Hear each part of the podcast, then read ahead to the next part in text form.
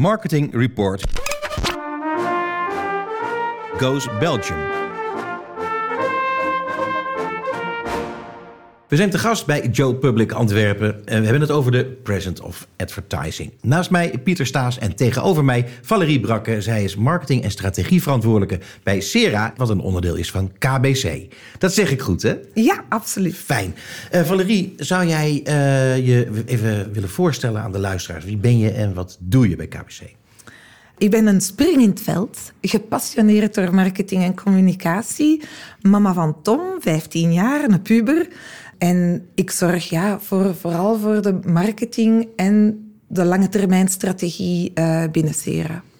En dat vind ik dan gelijk heel interessant, want dan denk ik, uh, Sera is onderdeel van KBC. Maar wat doet Sera dan precies? Wat, wat is Sera? Weet iedereen dat of, of, zeg ik als Nederlander nu iets heel doms? Nee, ik denk dat iedereen dat niet weet. Maar ik denk dat ook veel mensen het weten.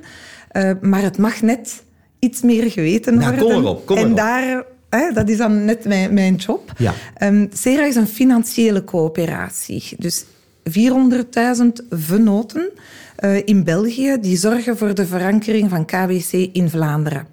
Dus je kan vennoot worden van Sera door aandelen te kopen. Je krijgt daar een dividend hè, voor per jaar. Uh, je krijgt daar ook voordelen voor, want met de kracht van 400.000 man kan je al wel eens uh, wat kortingen bedingen overal. Ja, dus je krijgt daar ook wel extra koopkracht voor. Maar een van de belangrijkste punten is het derde punt. Met die dividenden, met die kortingen, zorgen wij eigenlijk ook voor een maatschappelijk dividend. Dus we geven terug aan de maatschappij.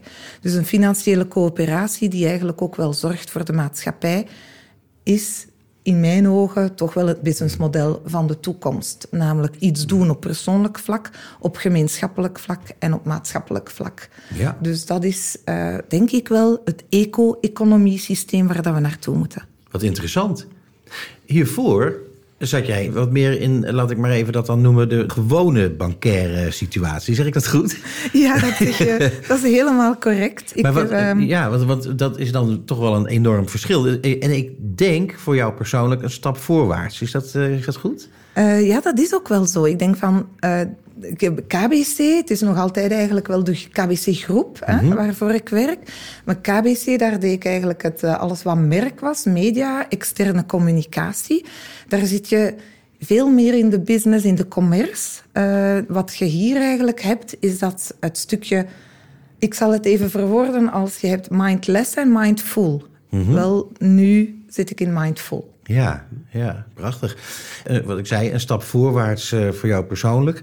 Uh, wat is in jouw dagelijks werk nou het grote verschil tussen wat je, hè, wat je als marketeer moet doen voorheen en nu? Is dat, is dat te duiden? Jawel. Ik denk, er is een groot verschil tussen het blijft nog altijd natuurlijk processen hè, voor een groot stuk. Efficiëntie, resultaatgericht, KPI. Ervoor zorgen dat je eigenlijk ja, groeit. Maar wat je er nu wel bij hebt, is echt wel de, de meaningfulness. Uh, ja. Ik weet exact waarom dat we moeten groeien. Uh, terwijl dat het anders misschien een businessobjectief is. Nu is het eigenlijk een maatschappelijk objectief.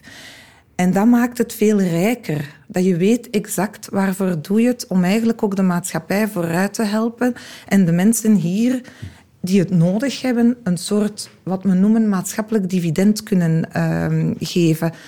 Dat is zoveel rijker dan enkel het businessobjectief en Veel het cijfer. Uh, ja, ik vond het vorige ook wel heel sympathiek, maar het is wel zo, want je, je groeit, je ziet je cijfers groeien, je objectieven, je weet waarvoor dat je het doet. En als marketeer is dat iets waar dat je heel veel voldoening uitput. Is van, oh, we hebben het gehaald, allemaal samen. Hè? Ja. En we hebben er inhoud aan gegeven. Wel, nu voelt die inhoud wel veel sterker en rijker en veel echter, authentieker. En dat maakt het ineens, um, slaap ik beter.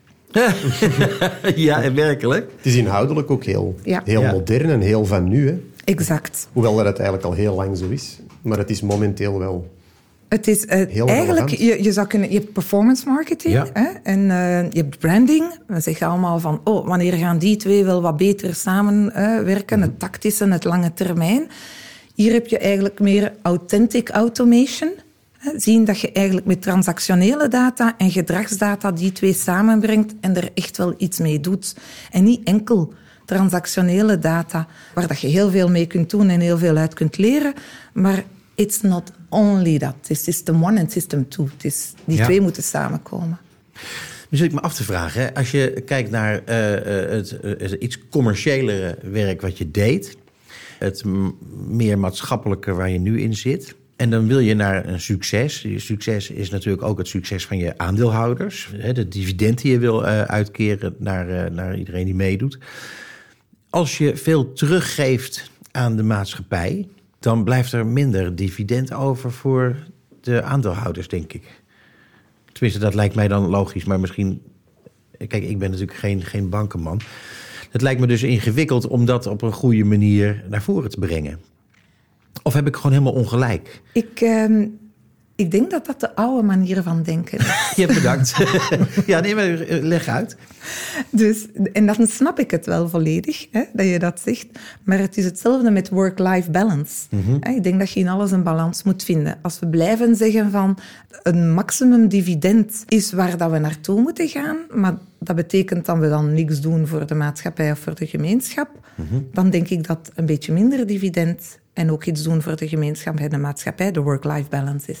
Ja, ik denk dat je helemaal gelijk Dat is hebt. de evolutie van, eh, van, de term waarde creëren. Hè. Ja. Die is een beetje veranderd. Exact. Ja, waarde de is een veel- waardepropositie en niet meer propositie, Ja. maar Waarde is waardepropositie. een bredere term geworden ten opzichte van vroeger. Hè.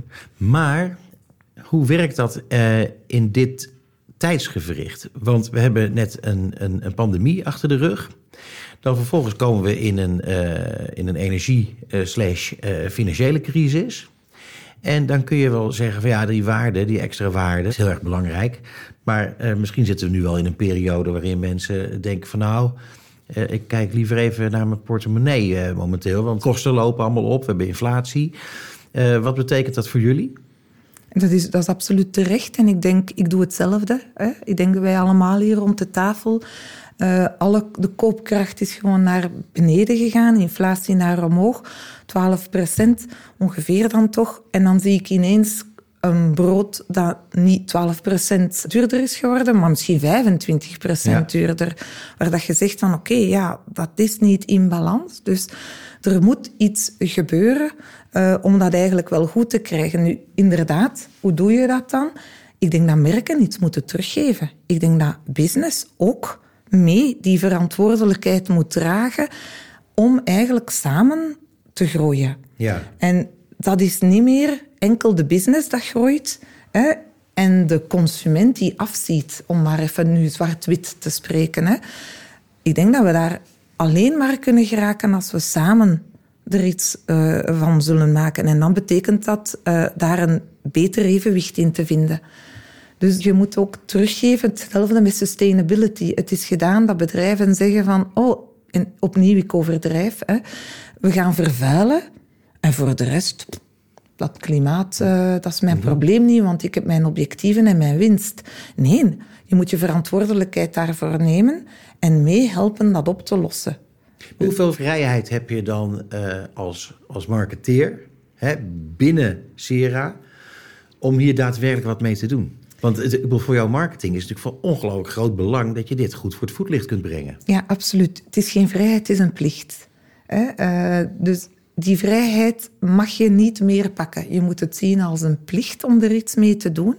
En eigenlijk je board overtuigen dat je het zo moet doen. Nu, dat is ook zo. Bij KBC bijvoorbeeld en bij Sera is sustainability superbelangrijk. Nu, ik denk dat bedrijven dat ondertussen ook wel vastpakken en ook beseffen kan altijd meer. Bij Sera is natuurlijk, we zijn een coöperatie, dus elke stem telt. Ja. Dus dat is nog belangrijker, omdat je daar echt daadwerkelijk dingen kan realiseren. Dan mag je niet meer de vrijheid nemen, dan moet het een plicht zijn om het te realiseren.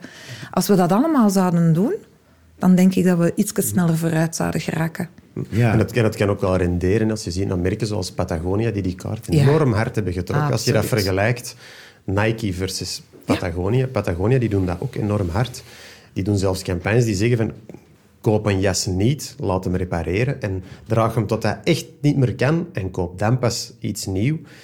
Het lijkt een beetje in je eigen vel snijden, maar uiteindelijk gaan meer mensen dan een switch maken naar het merk en toch meer jassen verkopen. Maar je verkoopt niet meer evenveel jassen aan dezelfde mensen, maar aan meerdere mensen. Ja. Dus het Dus kan ik- ook renderen als het slim wordt aangepakt. Absoluut. uiteraard. Euromonitor in zijn trendrapport eh, 2023 noemt dat eco-economics. En dat onderschrijf ik volledig. Eh, dus economics, ja. Hè, ik heb zelf een licentie in economie, dus ja, tuurlijk. Maar eco-economics. En dan gaan we eigenlijk wel, denk ik, wel toenadering hebben. Natuurlijk blijft die objectieven en die KPI's en die winst en die doelstellingen. Ja. Dat is zo. Maar daar mag wel, denk ik, die work-life balance, denk ik ook wel wat meer worden nagedacht over hoe dat het vandaag de dag moet gebeuren. En als we dat allemaal vastpakken, misschien ben ik een optimist, hè, maar je moet wel optimist zijn, want anders gaan we er niet geraken. Dus dan denk ik dat ook wij marketeers die weg moeten ook afleggen.